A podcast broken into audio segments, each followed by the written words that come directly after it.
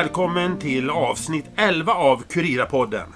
En podd som handlar om eh, den vård, omsorg och assistans som finns inom Kurira-gruppen och där vi lyfter fram människorna bakom den, för det är det som är själen. Idag eh, handlar det om det viktigaste som finns, våra egna kroppar. Därför har vi idag en eh, mycket spännande gäst som heter Robin Wakeham som är ansvarig för fysioterapin inom Medical. Varmt välkommen! Stort tack Anders och tack för att jag fick delta. Och jag kände det att det här var någonting som jag verkligen sett fram emot eftersom våra kroppar, hur vi mår, är så viktigt. Jag instämmer, jag instämmer. Och eh, framförallt nu med, med pandemin här så har det blivit extra viktigt med det, med det hela. Ja. Att vi rör på oss rätt och eh, kommer igång här nu och tappar de här pandemikilorna som vi alla, de flesta av oss, har lagt på oss. Men har vi lagt på oss pandemikilo med tanke på att, jag menar jag tycker man ser allt fler som och rör på sig. Och, och här på Djurgården, i, i Stockholm nu. Ja, ja. Så, eh, så jag är alldeles överraskad hur mycket Ja. människor som har varit ute. Jag tror absolut att folk är ute och, och rör på sig mer kanske eh, att man går ut på sin promenad. Den, däremot den, det som man saknar, det är ju den här dagliga Eh, förflyttning kanske från jobbet fram och tillbaka. Eh, man går och träffar släkten och den här naturliga eh, aktivitetsnivån. Och det har blivit väldigt mycket framför Netflix och SVT Play. Och jag, skulle upps- jag skulle uppskatta att de, majoriteten av patienterna som kommer har gått upp ett annat kilo. Jag har också fått det här bekräftat av mycket personer som jobbar inom detaljhandeln som säljer kläder.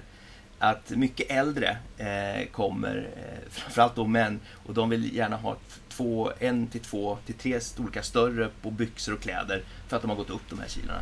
Och det har blivit mer stillasittande under pandemin. Ja, det har blivit mer still, stillasittande. Eh, jag ser, folk går ut och går, så man ser att folk är ute och går. Och det är jättebra. Men det är just den här vardagliga motionen som man kanske hade med förflytta sig från fram och tillbaka till jobbet. Man går ut och träffar kompisar och hela den biten. Den har blivit mindre. Är, att det, har gått är plus- det en motionsform som är underskattad ibland? Absolut. Eh, den här dagliga motionen som man har i det dagliga livet, eh, den är ju livsviktig. Eh, och jag tror att det är också väldigt, väldigt un- underskattat. Många tar den för givet, men nu när vi har varit inne med pandemin och vi har ju ändå haft det ganska fritt i Sverige om man jämför med Mm. övriga länder. Så att i övriga länder tror jag det ser ännu värre ut. Och sen så har vi också en, en tradition i Sverige att, att vi rör på oss och vi har det här med Friskis och Svettis. Så det är ganska ingrott i våran, i, i våran DNA på något Ja, sätt. Ja, att vi rör ja. på oss. Men det du säger, det, det är ganska intressant därför att vi får ju höra skolan om att vi måste gå på gymmet, vi måste hårdträna, vi ska, Ja. vi ska skaffa en PT Ja, som kostar astronomiska summor. Ja, Eh, men eh, den här dagliga motionen, ta promenaden till jobbet, gå ut, det, det, det skulle jag säga är en, ännu viktigare. Eh, Allt det här andra, det, det är mycket hype och det, men det, ju, det är, finns någon gammal klyscha som säger att den bästa motionen är ju den som blir av. Ja. Och du måste ju faktiskt transportera fram och tillbaka till jobbet. Så att ett enkelt sätt som jag brukar rekommendera många, det är många man bor i en storstad man åker kommunalt till exempel. Och då säger de, men jag har 45 minuter, ja men du kan ju gå av halvvägs eh, på bussen eller pendeln och så går du halvvägs Ja. helt enkelt. Ja, ja. Eh, ta trapporna och har du artros i knäna eller har ont i knäna, ja, då, då kan man göra andra saker. Så att det finns alltid någon form av lösning. Jag tycker också att väldigt många som kommer in hit, de har ju väldigt, väldigt ont. Eh, och kanske inte kan promenera, då finns det ju annat. En motionscykel är en jättebra grej. Du kan sätta framför TVn hemma med en stor skön sadel. Eh, att cykla ut i trafiken när du har ont kanske inte är att, att rekommendera. Men det är väl det jag brukar rekommendera väldigt många, kanske äldre då, som har svårt att promenera längre sträckor eh, av knä och höftvärk. Har man då en motionscykel kan man få ta på Blocket för ett par hundralappar med stor skön sadel, behöver inga flashiga program, sätter sig och bara låter tramporna gå runt framför nyheterna varje kväll. Det kan vara att du kan förlänga ditt liv med ett par år på det. Och sådana grejer som du pratar om Mm. nu, det, det är det man inte hör. Utan det är så viktigt att man ska ut och röra, man ska Ja. göra, eh, springa Ja. eh, löparspåret Ja. på 30 sekunder snabbare. Ja, du vet, eller du ska simma 400 vändor. Varför pratar man inte om det här som du nämnde? Jag tror det är lite motionsstress som, som vi har alla. Om vi ska vara hårdrare så att alla de flesta vet ju vad man ska göra, eller hur? Man vet att man ska promenera, man vet att man ska röra på sig mer och äta bättre och stressa mindre och göra de andra grejerna. Sen så ser ju faktiskt livet lite annorlunda ut nu än vad det gjorde för 10, 15, 20 år sedan. Det blir en ökat tempo med allting och man ska försöka hinna med alltihopa. Ja, men jag säger bara så här att jag tänker att den här motionsstressen som du pratar om. Mm. Den, den har väl accelererat just att du måste ut och göra, var, var någon, eh, jag behöver inte säga det var en känd idrottsprofil var i Sverige. Ja. Du ska bli minst svettig 30 minuter ett par gånger Ja. i veckan. Liksom Ja, ja. Och det, det om något Ja. är väl stress. När du Ja. ska hinna, du ska diska, äta, eh, Ja. fixa barnen Ja. och alltihopa. Och det är det jag säger, det är det jag säger att det, det, blir, det blir, vi har eh, kategori människor nu som är väldigt, de som tränar väldigt, väldigt mycket. Flera gånger per dag kanske till och med. Och så har vi de som inte gör någonting. Och det blir ju mer och mer med stillasittandet just med datorer och sociala medier. Man ser framförallt bland unga killar då kanske mellan säg 10 till 15 till 16. Man såg någon statistik här nu eh, igår på TVn att de sa att brottsstatistiken har gått ner just i, i den bemärkelsen. Och då undrar vad det, vad det beror på. Jag har inte befogenheter för att gör, säga det, men det beror, skulle jag tro, väldigt mycket på att de sitter hemma och gamer istället. För att vara ute och snatta och, och hitta på hyss, Ja. helt enkelt. Så det är, jag tror det, det, det är olika det är väldigt stora förändringar som sker i samhället. Och då säger jag innan du börjar med att skaffa dig PT och skaffa de rätta skorna och vattenflaskan. Skit i allt det där. Börja med att skaffa ett par bra promenadskor och så går du till jobbet eller halvvägs till jobbet. Kan du inte gå en halvtimme, gå en kvart till att börja med så ökar du det. Men om du börjar varje morgon med en halvtimmes promenad eh, sju dagar i veckan eller fem dagar i veckan, då har du gjort väldigt, väldigt mycket för din hälsa. Och sen, däremot, också om du är kontorsmänniskor som många är, att du skaffar dig ett höj och ställbart skrivbord. och Det är avdragsgiltigt för arbetsgivaren så det finns ingen ursäkt. där. Ett par bra skor så står du upp en halvtimme på morgonen, en halvtimme på, efter lunch och en halvtimme på eftermiddagen. Bara de två sakerna gör enorma grejer för hälsan. Du har inte befogenhet att uttala dig om brottsligheten i Sverige. Det är, Nej. det är helt rätt. Men, låter- ja. men du har befogenhet att prata om hur vi mår och våra kroppar. Ja. Och berätta då din bakgrund så Ja. lyssnarna förstår eh, vad du har för kunskap och Ja. Jag, har- jag har jobbat som fysioterapeut i över 20 års tid och anledningen att jag blev intresserad av det hela det var att jag spelade hockey på hyfsat hög, hög nivå och skadade min rygg väldigt, väldigt allvarligt eh, och hade smärta dagligen i tre års tid.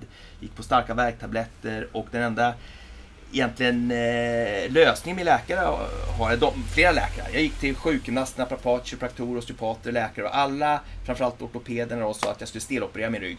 Eh, det var den enda lösningen. Och så hade jag alla starka tabletter man kan tänka sig.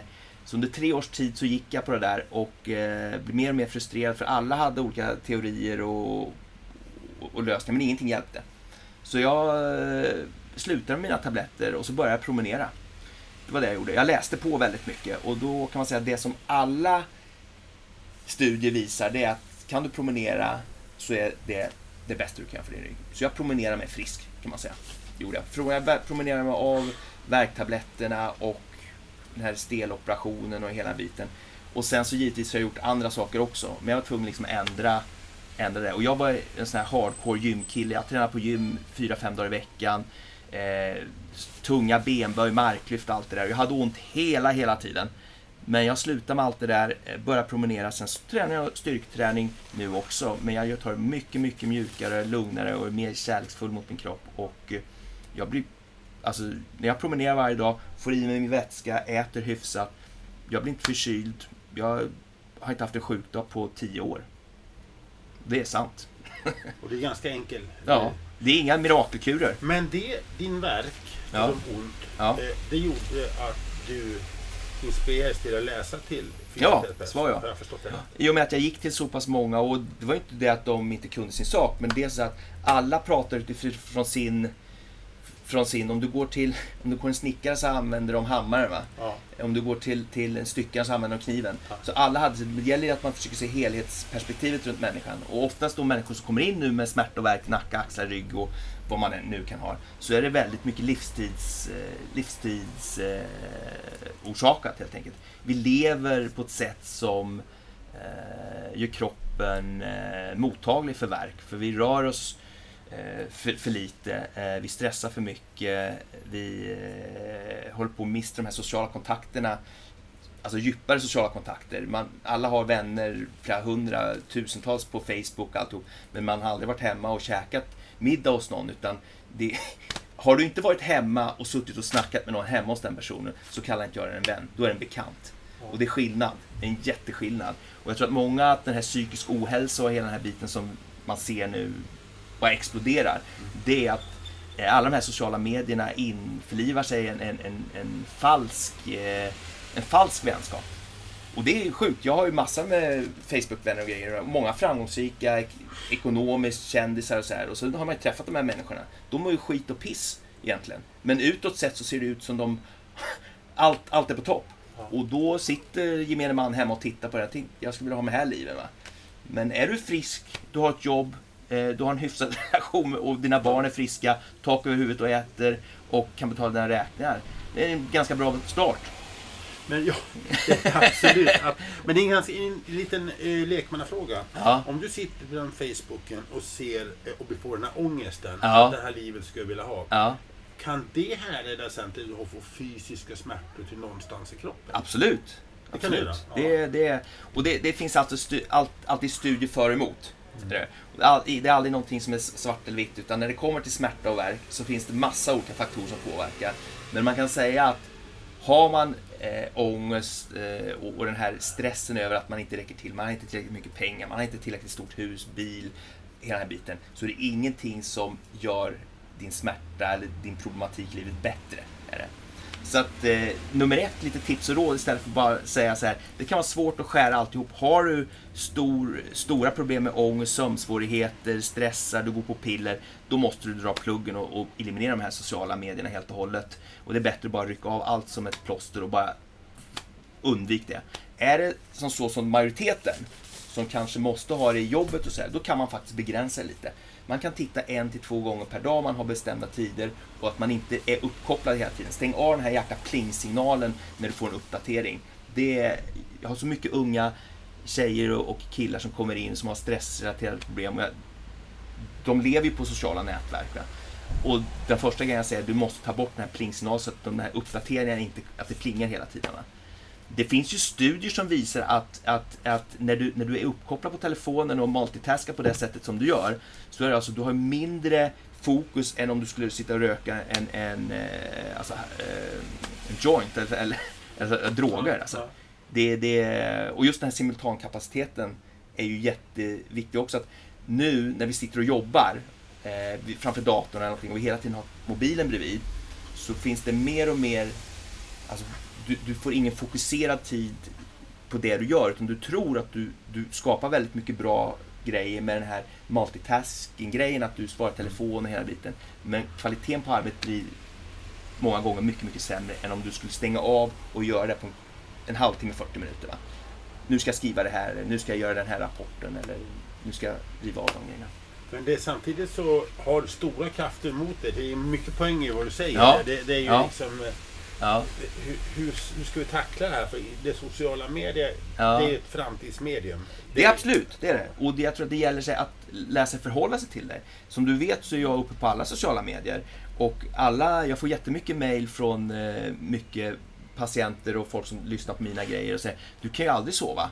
Du, du är alltid uppkopplad. Men det är jag inte, för jag har folk som gör det åt mig. Har jag. Eh, och jag kollar, i snitt så, så är jag själv på sociala medier kanske en, en timme per dag. Jag. Men sen så stänger jag av, sen finns det inte där. Ja. Men det händer ju saker och ting så det ser ut som jag, jag är där. För jag vill ge den här informationen om ryggvärk då som Ja, jag fokuserar på. jag. Där. Men du, du har tonårsbarn. Ja, Vad säger de när du pratar sociala medier? Är du gammal gubbe nu eller? ja lite gammal och gubbe men, men ett konkret grej. är, Min son han har ju egen YouTube-kanal och han gamer och han, han måste ju vara med. Han, det är ett stort intresse han har och han är jätteduktig och kommer, han kanske kommer jobba med det till och med. Ja. Men det vi har gjort i hans rum då, det är att han har ett höj och ställbart säng, skrivbord som jag köpt på IKEA för några tusenlappar. Och sen så har jag tagit bort veven helt enkelt. Så han måste stå upp. Helt enkelt. Det finns ingen stol i hans rum. Finns Det det så? så. han får stå och gamea och han får stå, han gör läxorna där och han står upp. Och om man då tittar på vad WHO har gått ut med bara några år sedan, liksom att si- sitter du 6-8 timmar om dagen, det är det som du röker några cigaretter va? Eh, per dag. Eh, och det kan du inte bara eh, reparera genom att springa till gymmet och, och, och köra skiten ur en timme. Va? Utan det är jätte, jätteviktigt det här med... Jag skulle vilja se var en fluga på väggen och höra den Ja. diskussionen i din son. Ja. Eh, Nej, han, mina barn har nu, de, de har ju fattat det, för jag har snackat under många år. Men deras kompisar som kommer hem till oss tycker jag är spritt galen. Ja. Och förstår inte vad jag håller på med. Men eh, mina ungar har fattat det. Och dottern håller på mycket på, på eh, TikTok och alla de här eh, apparna och grejer. Va? Eh, och då har vi gjort som så att efter 8.30 eh, då är det ingen telefon i sängen. Nej. Och de föräldrar som låter sina barn ligga med telefonerna, gå och lägga sig med telefonen och ha den bredvid. Eh, skulle jag säga, det, det sluta med det alltså. Efter nio, om, Men- du har, om du har barn under 15, 16, 17 år, då måste du som aktiv förälder ta det beslutet att de kan inte ligga och ha Nej. uppdateringar under Nej, natten. det nej, är inte det- konstigt att de det- får sömn, det- sömnbesvär. Liksom. Och du kan inte heller ligga och göra själv för om de kommer in och ser att mamma och pappa ligger och tittar Nej. på telefonen. Nej. Lev som du lär liksom. Ja. Och då går man ju igång med tanken. Ja, det man. Men eh, de som använder telefonen och lyssnar på en ljudbok för att somna in. Och det är musik. Vet, är det- Ja, man absolut. A- absolut. Men, men eh, vet du vad? Det finns andra medier för det. Det- Du, du kan ta in en bandspelare eller ta in någonting annat. Ja. Ja, mobilen ska banne mig inte vara i sovrummet. Har du sömnproblem, har du stressproblem, har du nervösa bekymmer, har du... Många av de här ungdomarna nu får de här diagnoserna ADHD och de är lite halvt utredda och de, de medicinerar dem liksom. Ta bort Börja det, där. börja med det. Ja, Eh, det är inte brist på mediciner. nej, nej precis. Så att det... Då kommer det, flera dem har Ja. ont i ryggen Ja. och benen och armarna. Ja. Och då kommer Ja. man till Medical eh. Fysioterapi, ja. Fysioterapi. Och eh, det finns två stycken i Stockholm. Det finns två stycken. En på Östermalm, Karlavägen eh, 102 och sen en på Norrtullsgatan 33 här i, i Vasastan. Ja. Är vi. Och jag vill ungefär 35 stycken, lite över 30 fysios. Är vi. Eh, vi sitter nu i, ett, i ditt lilla... eh, Minsta rummet av alla rum är det. Ja, jag har aldrig gjort en podd med Nej. så litet rum. Och så, så Det är nästan som vi sitter i, var- i knät varandra. Ja, ja. verkligen. Ja. Och ni kommer väl se det Ja. bilden till den här, så vi ser hur nära vi är. Va? Och vi Ja. har mikrofonen Ja. upp på ett bo, stol Ja. här och lite äh, fönster. Ursäkta att jag avbryter, men jag kommer, till- kommer in på det. Det är också le, leva som du lär. Ja. Jag sitter minst. Det finns ingen, inget rum som är mindre. Så att Nej. när alla kommer och pratar med mig så ser de så här. Men herregud, sitter chefen i minsta rummet liksom? Det är inte värt att säga att, att, man, att man ska ha större rum. Nej, och jag tycker det här är charmigt. Ja. Ja. Oerhört charmigt, så jag hoppas lyssnarna förstår Ja, det. Eh, vad, vad jag vill komma till, när jag satt och väntade på dig Ja. i väntrummet. ja, Det var att jag noterade hur mycket skratt det var. ja. Ja. mycket, alltså både från dina eh, medarbetare, men Ja. också från patienter säger ja, ja. Eh, det, det var mycket skratt. Det, var, Ja. det började regna lite och, och, och, och det Ja. var sånt engagemang med så Ja, liten sak. visst. Va- Har ni Ja. jobbat mycket med det här? Med Vi har jobbat väldigt, väldigt mycket med det. Vi, vi har eh, väldigt få... Eh, vi har jobbat ihop. Vi som har jobbat här nu har jobbat ihop över 10-12 år ihop. Har vi gjort. Eh, och det har vi gjort att eh, vi har ingen skitsnack alls egentligen om någon på jobbet här. Vi har ganska få möten också. Har vi. Vi, det vill säga, vi har möten, men vi har inte möten för att ha möten vad vi ska prata om mötet om. Utan har man problem med någon, då, eller har en diskussion, då går vi ut och tar en lunch ihop eller vi snackar. Eh, och så, blir det så har vi en eller två större sammankomster per år, någon utbildningsdag eller någonting. Va? Men eh, väldigt viktigt det här på arbetsplatser, för man spenderar mer tid på arbetsplatsen än vad man gör hemma. Va? Så att det... är- Vi, vi, vi, att, att man verkligen... Eh, vi tolererar ingen skitsnack, att man går och snackar skit om varandra. Och det tror jag det är en kultur som... Man kan, det händer inte över en natt. Men vi har givetvis haft medarbetare då som kanske inte passar in i så, den miljön som vi har jobbat med och vi har gått in och sagt det funkar inte på det sättet här utan har man problem med någon så tar man det direkt med den. Ja. Och man går inte och sitter och tisslar och tasslar och försöker liksom bygga några grupper att vi ska frysa ut någon utan alla är en stor familj här. Eh, all, alla har något att ge, vi är helt prestigelösa, alla har olika specialistområden.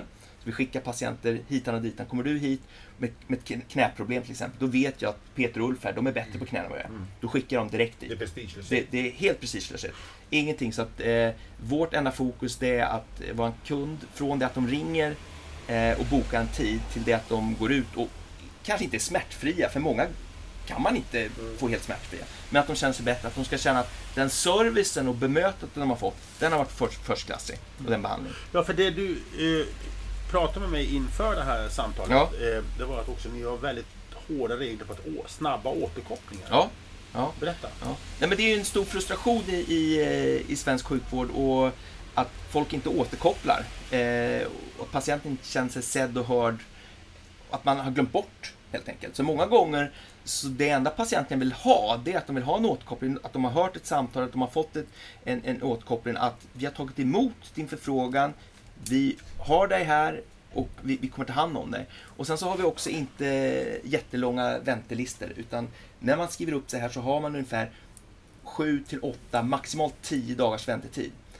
Efter, om, vi, om vi ser att det går upp, då skickar vi vidare till andra instanser. För att det blir som så att har det gått över 10 dagar, då... Äh, det är för länge helt enkelt. Så Mm. oftast kommer folk in på en vecka här. Ja. Och, det, och då kan man säga, hur har ni skött det då? Jo, vi har processer till allt. Har vi. Och jag... Eh, process, processtänk, det är det.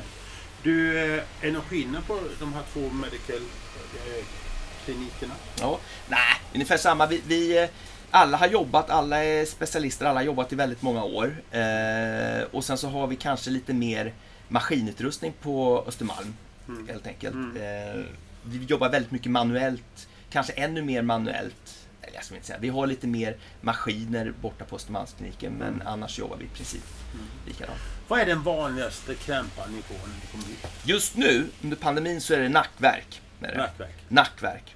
För att man sitter med gamnacken. Kallar det face down-generationen. Folk sitter och tittar ner i mobiltelefonerna. Eh, jätte, jättevanligt. Så att det är, då får du spänningar i, i, i, i nacken, det strålar upp mot huvudet, du kan få huvudvärk, illamående, yrsel. Om det är riktigt jävligt så börjar det pirra i armarna, du tapp, tappar kraft för att det ligger och trycker nerver. Man, man har inte nog med kraft i armarna. Så det är, ett- det är ett jättebekymmer och det som är ännu värre det är ju man ser, vi har ett sånt här gamingcenter här bara runt hörnet. Va? Eh, man kommer ut och jag är uppe här kanske här i mång, en del månader så är jag här väldigt tid. Då ser man de här långa eh, unga killarna Nu som måste, har nu suttit måste och jag bara avbryta. Ja. För de som inte vet. Ja. Vad är Game Center? Sorry. Eh, det är alltså eh, ett ställe där man kan gå och så finns det datorer och så sitter de och så spelar de hela nätterna killarna och tjejerna. Men det är väldigt mycket unga killar där Ja. nere, 15, 16, 17 år. Ja. Och då ser man, de har suttit, de kommer ut fem på morgonen, de har suttit och druckit Red Bull, käkat pizza hela kvällen, ut och tar en rök. Och då har de här långa, överkutryggade och sen framåtskjutande huvuden.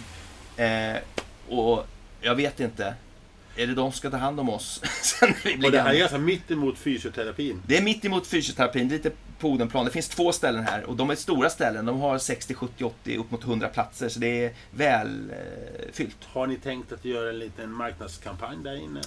Det är så att de kommer först när det gör riktigt ont. Eh, människan till Har ni haft någon eh, patient Ja, där- ja absolut. där- Framförallt så är det föräldrar som kommer med barnen. Eh, För föräldrarna vet inte vad de ska göra med ungarna. De egentligen vill att någon ska komma och, och skälla lite på mig, eller Ja. peka lite och tala om. Man kan inte göra mer än att tala om vad de ska göra. Men oftast reagerar folk först när de har nog ont. Men du har Ja. sagt en viktig, viktig grej. Ja. Eh, Det är att bemötande. Ja, Hur mycket hård kan ni vara mot en patient och säga att du har helt fel livsstil? En vuxen människa, inte bara ungdom. Utan, precis. eh, någon, någon som, hur hård kan du vara? Du kan faktiskt säga ganska mycket till vem som helst om du gör det på rätt sätt. Jag brukar inleda när någon kommer in. Du är här nu eh, för att du har till exempel ont i rygg och nacke. Jag kommer, börja, jag kommer gå på ganska hårt och tala om vad jag tycker du ska göra och, och, och hela den biten. Och mycket kanske är precis motsatsen till vad du tycker och tänker. Men det, det är som sagt det är en rekommendation. Jag är din coach. Vad du gör med den informationen, det är helt upp till dig. Men bara så att du inte tar illa vid dig. Jag, mitt mål är endast att minska din smärta. Det är det. Sen är det helt upp till dig vad du gör av det. Det kanske är alldeles för konstiga grejer. Du kanske inte ens köper det jag säger. Då kanske du ska söka till någon annan. Men så länge du går till mig så kommer jag gå på ganska hårt och tala om vad jag tycker du, du ska göra. Vi säger så här, där, eh, jag själv jag Ja. har någon, ga- en ganska eh, låg tröskel. Go for it, det är därför Ja. man är här. Ja. Men hur ofta är det att din patient blir förnärmad och eh, du, du ska inte tala om för mig vad jag ska göra. Nu var du oförskämd. Hur ofta händer det? Det är, när man var yngre, eh, yngre och hetliga, jag har ju mycket blandning i mig. Jag är italienare, irländare, svensk och kanadensare. Eh, Vilket så det här- är- vilket är ju ja, bra, visst. Det där irländska och, och eh, italienska, det, det kan ju göra att man går igång. Så när jag var ung och het och spelade ishockey, då var jag väldigt hetlevrad och eh, på alla cylindrar hela tiden. Nu, med lite, man har några år på nacken eh, och träffat ett par tusen patienter, så är man ganska lugn. Eh, och det är framförallt det. Det, det är det. Om du går, det är samma du vet när du, när du, om du går i clinch med någon direkt så, så då blir det att man trycker och, och hela den här biten. Men ja, nu sista åren har jag absolut inte haft några problem med det. Utan... Okej, okay, vi har nacken. Men vi Mm. som är, när vi inte har pandemin och vi har, Ja. de inte har det, vad är det andra ovanliga problem som har kommit hit med? Ju ländryggen är jättevanlig. Eh, det ja, det, ni- långt ner på ryggen. Va? Ja. Långt ner på ryggen och nacken, det är väl de två vanligaste sakerna. Och sen så har vi höft och knä som är jätte, jätteviktigt. Va? Så Det- så här då, mina knän, där har jag Ja. protes i båda, så Ja. där är inga problem längre. Ja. Peppa peppa. Men nu har jag själv problem med ryggen. Ja. Vad gör jag oftast för fel? Ja, det är ju nu att du sitter eh, som du gör. Eh, många till exempel, en enkel eh, grej är att när man sitter på en stol så använder ju väldigt Många sitter, att de sitter inte på hela stolen. De- Det är mer kvinnor faktiskt, men de sitter på, på en liten del av stolen och så sitter de och skriver istället för att använda hela ryggstödet. Det är en jätte, jätte vanlig grej. Och sen så ska vi inte sitta hela tiden, man ska upp och stå. Och då kanske du säger, ja, men jag sitter hemma nu, jag har inte råd att köpa ett hög och ställbart skrivbord. Då kan du ställa dig på diskbänken och ställa upp laptopen eller ta upp strykbrädan. Det finns alltid lösningar. Jag ser att du har lite problem, för du sitter och vrider och vänder hela tiden nu. Ja, ja, Ja, ja. Men jag är också två meter Ja, visst, du- du är lång och ståtlig. Vi hör ju den lite. Ja, du, du drar upp mig lite. Nej, men det är ganska... Det är viktigt att man relaterar det. är inte, Man pratar inte bara om dem. Nej, utan, nej. eh, Och så vidare. Men det är sådana här saker. Det är inte så mycket behandlingar. Ofta är det hur du för ditt liv. Du, Nej men alla vill ju alla vill, alla vill ha en quick fix. Man, människan är lat i sin natur. Ja. Man vill att, här är jag, jag har ont, knäck till mig, ge mig en tablett och så är jag ut och så är jag igång igen. Eh, Ja. och det kanske är så när du är yngre, men när du är äldre, när du har passerat 25, för efter 25 så börjar förfallet sakta men säkert. Så är det. Sen så blir, kan man göra vissa saker för att uppehålla kroppen. Ja, ja. Men rör man inte på sig, äter skräp och, och lever liksom stressigt liv, då, då, det, it catches up, du, det kommer ikapp. Kommer, kommer, kommer ikapp dig. Har äldre idag tålamod med det? När de äldre patienterna som ni kommer. Jag hade en, ro, en rolig historia. Eh, det var, och det här är ett par år sedan. Och då kom det in eh, en kvinna till mig. Eh, och jag nämner inga namn för Nej, det sekretessen. får inte. Det är är, jätte- det är ointressant. Nej, nej, det är jätte- det är. Men då kom hon in och hon hade precis fyllt 65. Ja. Och så kom hon in och så hälsade vi och sa nu är det så här att nu har jag gått i pension och nu får du fixa min, min jäkla rygg hörru, för att nu ska jag börja leva livet liksom. Eh, och jag trodde först att hon skämtade lite med mig eh, och, och, ja, och, och sa, sa någonting, skulle också vara lite rolig, men det gick inte. Hon var helt allvarlig. att Nu har jag liksom jobbat mina 65 år, nu är det din uppgift att fixa min jäkla rygg. Så att ge mig den här massagen eller knäck mig och sen så, så vill jag gå ut och spela min golf och åka på min vinprovning eller vad det nu kan vara. Vad sa så att, så att eh, ja, nej, men eh, ja. Har man eh, är inställningen, du har jobbat 20 år sa du? Ja, Är inställningen till fysioterapi annorlunda idag än för 20 år sedan? ja det, det kan man väl säga. Eh, först och främst så vet ju väldigt eh, Hälften av Sveriges befolkning vet ju inte vad fysioterapi är, för vi bytte ju namn. Ja. Vad hette det för? Sjukgymnast Ja. är det. Eh, och det kan man ha en hel eh, podd om bara det, varför vi gjorde det. Men det var att de skulle komma bort från det sjuka. Och att, att, att eh, när sjukgymnast, utan man har fysioterapi. Eh, tidigare så var det mycket mer passiv behandling. Va? Man kom dit, eh, man hade sina, sitt frikort, man gick upp på bänken där och man fick lite passiv behandling och, och hela biten. Men det, vi, vår, vår uppgift från Region Stockholm, eller regionen nu, det är att vi ska få folk i rörelse så fort som möjligt och inte ha någon passiv behandling. Så det är ju två, tre besök för att de ska få ett träningsprogram, de ska få råd och regim, vad de kan göra själva hemma. Så vi har blivit, mer blivit som coacher än att stå att, att hålla på och ge massa manuell behandling. Va? Det är, och sen finns det olika nyanser på det. Givetvis, om du är en kroniker och du har haft ont i 20 år så kan vi inte bara ge på två, tre besök. Men kommer du in och vi har, du har inte besökt mig tidigare och du har inte liksom någon lång historik och du har ont i nacken. Då kommer du troligtvis få kanske någon manuell behandling på britsen men det blir väldigt mycket hållningssnack. Hållning vid, vid, vid, alltså ergonomi vid skrivbordet då om du har en kontorstjänst. Va? Hur du ska tänka, hur du ska röra dig. Saker och ting du tar bort från arbetslivet eh, som du inte ska göra det här med mobiltelefonerna och grejer. Va? Så det, det är mycket mer att man coachar och guidar än att stå och håller på och, och jobba med ma- knådar och, och, och hela den biten. Va? Så att, Är det rätt, är det rätt förhållning? ja, absolut. Det är ett långsiktigt tänk. Va? Kan vem som helst komma hit? Vem som helst kan komma hit. Eh, Man behöver inte, man behöver inte ha behöver remiss. inte ha remiss. Det behöver man inte ha. Utan, eh, och det brukar Region Stockholm, eller vilken region man jobbar i, då brukar man ändra det lite beroende på eh, hur det politiska eh, Är och eh, ja, av olika anledningar. Vad jag tänker mycket med allt fler nu, det upptäcker man det så eftersom jag själv har gjort det i båda knäna, att de Mm. byter och knäoperationer, artrosen. Mm. Det, det, jag tycker var och varannan person har gått igenom det där. Ja. Är, är det, Det är, en folk, det är en folksjukdom och det är väldigt, väldigt vanligt med, med knö, hä, knä och höftoperationer. Och det, det, det är ju en stor grej, men det är en standardoperation. Alltså gör man det på, på, på, på de här större ställena, så det är ju eh, lite löpande bandsprincipen. Det, det är ju en väldigt, väldigt vanlig operation. jag gjorde det för fem år sedan och var den första som gjorde det båda knäna samtidigt. Ja, det har jag faktiskt inte hört talas om att man gjort det samtidigt. Nej, jag var, Eh, det, för, det jag var, var, jag var ja, först på Löwenström. ja, ja, det, det är mäktigt. Ja, är men, men mäktigt. jag, efter det så har jag förstått att det här är allt mer. Men är det här någonting som blivit mer vanligare? Är, är, är, själva orsaken eller le, åkomman vanligare?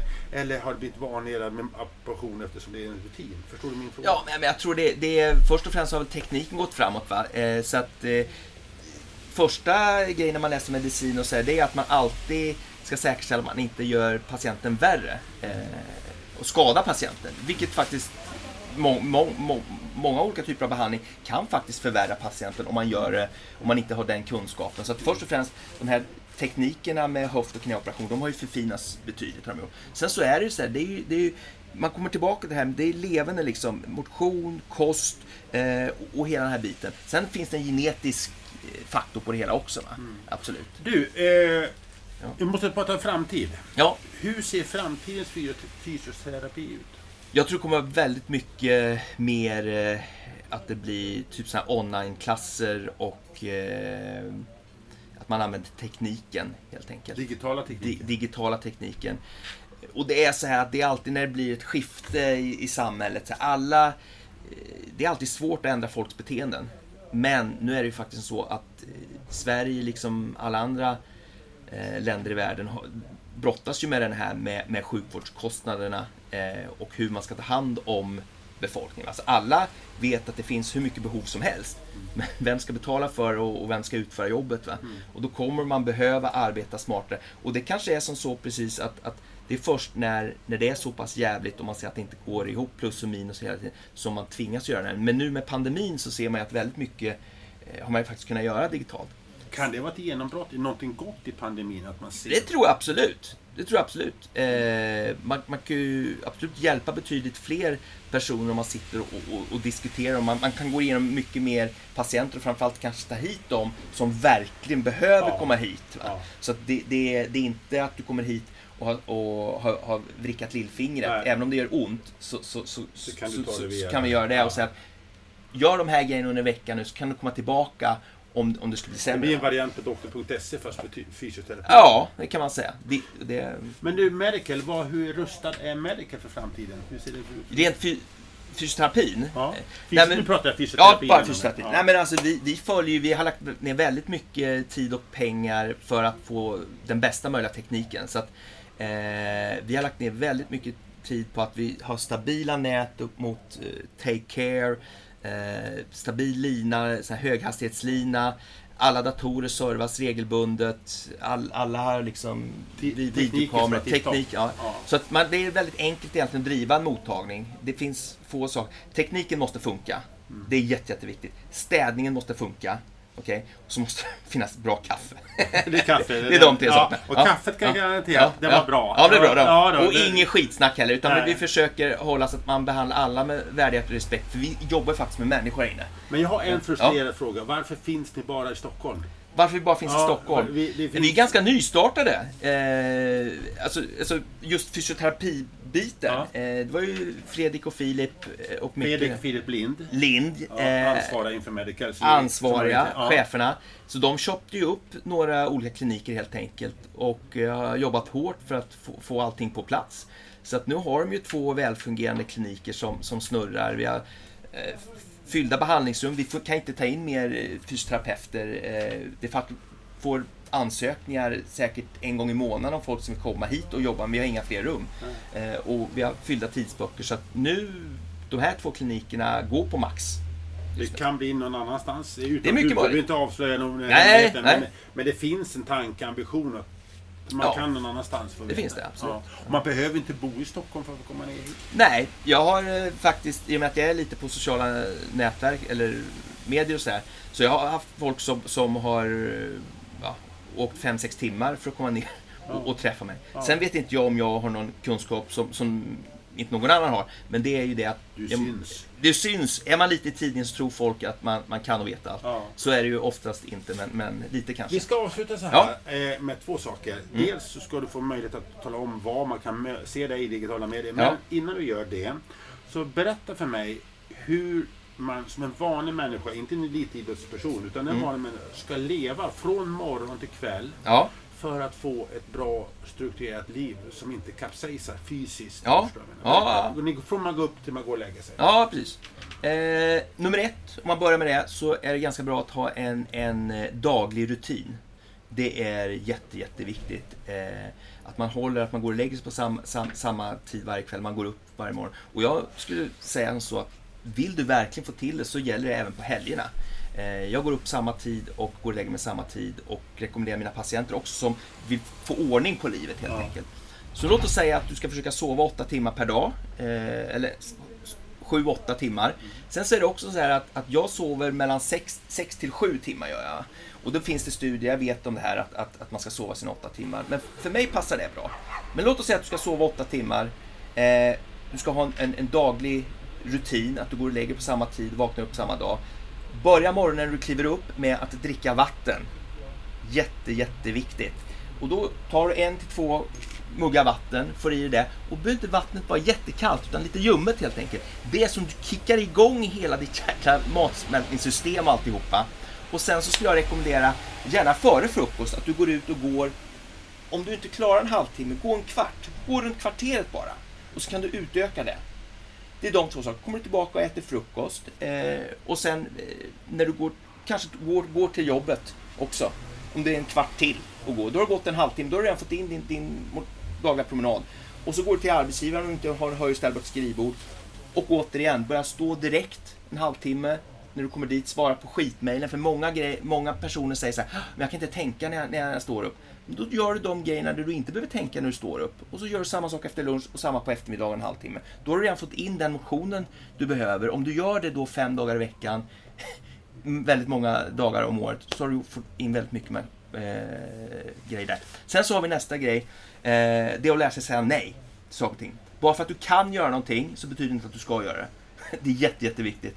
Eh, och även att, att när du säger nej till saker och ting, för det kommer ju förfrågningar hela tiden från vänner, bekanta, jobbmässigt. Du måste lära dig säga nej och börja fokusera på de grejer som verkligen är viktiga för dig i ditt liv. Så att du inte försöker springa omkring och göra allting åt alla hela tiden. Det blir kaos. Det blir ingenting bra. Och du behöver inte ha en ursäkt. Du behöver inte, du behöver inte komma upp med nödlögn eller någonting. Bara säga, vet du vad, jag skulle jättegärna vilja hjälpa dig med det här just nu. Men just nu så har jag faktiskt fullt upp.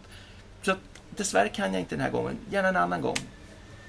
Eh, och Lägga sig då, på kvällen? Lägga sig? Efter jobbet? Nej men det är ju det här, Netflix har ju förstört sömnen för väldigt många va. Nu kan man ju se allting hur som helst, när som helst. Och det som värsta är ju att folk ligger oftast och tittar. Först gick vi från TVn. Och sen så gick man in och tittade på datorn nu eh, och låg i sängen på konstiga ställen. Och nu använder de flesta mobiltelefonen. Så man ligger på rygg och har man sin mobiltelefon och, och, och, och ligger och tittar. Och nästa serie, nästa serie. Och de går ju på automatiskt va. Jag tror Netflix stänger av efter två timmar någonting va. Att du måste göra det. Så många söver sig ju. De, de är, de är trötta och ska sova vid 10 eller 11 va. Men de är uppe till ett eller halv två.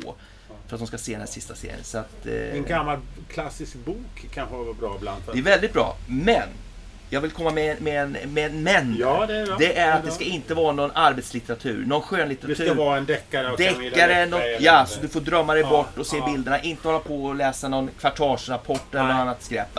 För det är bara elda på det hela. Och nattrutinen är väldigt viktig. Det är också hur du kommer in i, i Mm. på kvällen. Va? Många blir väldigt stressade, så jag rekommenderar alla som har det att huvudet går väldigt mycket, att man skaffar ett, ett A4-papper, ingen device, ingen elektronik i rummet.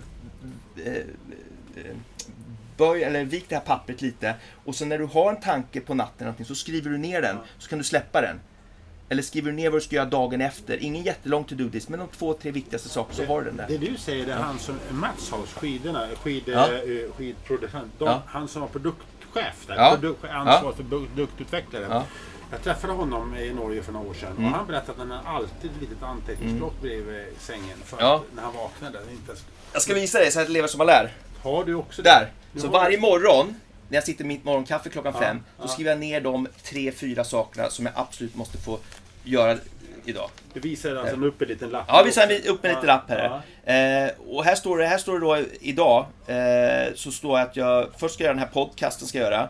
Och sen så håller jag på med eh, en, eh, en webinar-grej som jag måste få gjort. Så det är de två viktigaste sakerna som jag, jag ska. Mat och dryck. Ja, Det är ju en del. alla vet vad man ska göra. Alla vet att man ska äta mer grönt, äta mer frukt, dricka mer vatten. Problemet är att det finns ju så mycket läckerheter. Man blir ju hela tiden... Ja.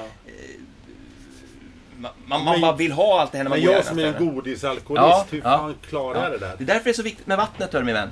För när du dricker vatten regelbundet, och då menar jag inte att du ska dricka 6 liter, men får du i dig 2-2,5 liter, då minskar det, dämpar det hungern lite och även sötsuget. Och får du in den här dagliga promenaden på morgonen, då blir det också att du känner, jag har faktiskt druckit vatten, jag har redan gått. Jag vill inte förpesta min kropp med det här. Nej. Och sen, eh, ja, är det så här att du är en jättegodisråtta, då kanske det är så här, ja men vet du vad? Jag vet med mig att det här är min last. Då kanske du istället för att äta en hel bulle, äta en halv bulle. Ja. Och då har du det va. Dricker du 10 koppar kaffe, drick 5. Börja så. Det beror lite på vem man är. Men, men eh, ja. Det här bubblar vi utav tips. Jag Ja. ser, eh, du säger att jag sitter och, och rör mig fram och Ja. tillbaka. Det gör du också. Du är så engagerad i de här frågorna. Det märks så tydligt. Eh, men eh, du delar ju med dig överallt.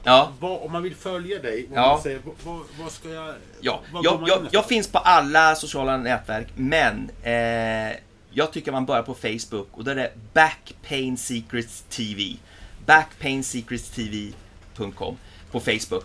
Eh, Men där får man bara titta någon timme om dagen då, sa du?